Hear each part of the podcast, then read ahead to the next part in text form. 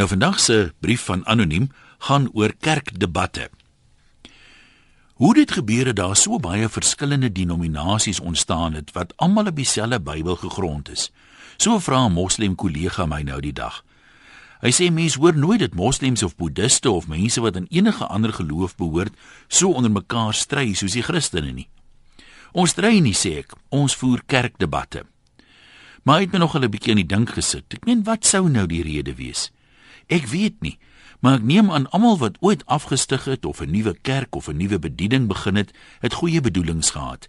Hulle was waarskynlik op soek na 'n suiwer leer en was van mening dat die broers van die kerk waarin hulle groot geword het, op 'n dwaalspoor was. Maar die beginpunt moet seker wees dat hulle vrae gevra het, vrae wat nie bevredigend beantwoord kon word nie. En 'n mens vra tog net vrae as jy oor iets begin dink of hoe.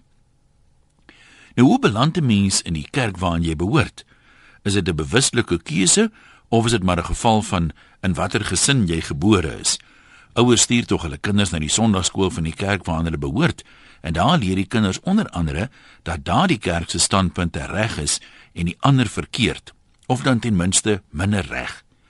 En die meeste mense glo dit lewenslank sonder om ooit bewustelik te dink oor hoekom ander mense anders dink.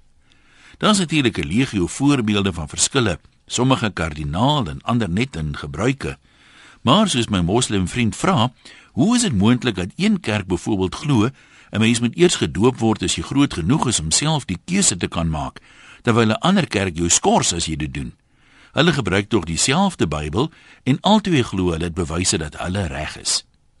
Ongelukkig lei die kerkdebatte selde tot groter insig of die ontdekking van gemeene grond. Dag na dag verskyn briewe in die koerante waarin broers met gesag aandui hoekom hulle andersdenkende broers dwaal. Verskeie filosowe en skrywers, insluitende ons eie Langehoven, het al deur die eeue gesê 'n mens hoef nie met andersdenkende saam te stem nie, maar ons moet hulle reg om te verskil respekteer en selfs verdedig. Wel, dit klink vir my aanneemlik, of dink ek nou te anders? Vergewe my tog as jy so dink, maar ten minste dink ons dan albei al kan ons nie albei reg wees nie. Groete van oor tot oor. Anoniem.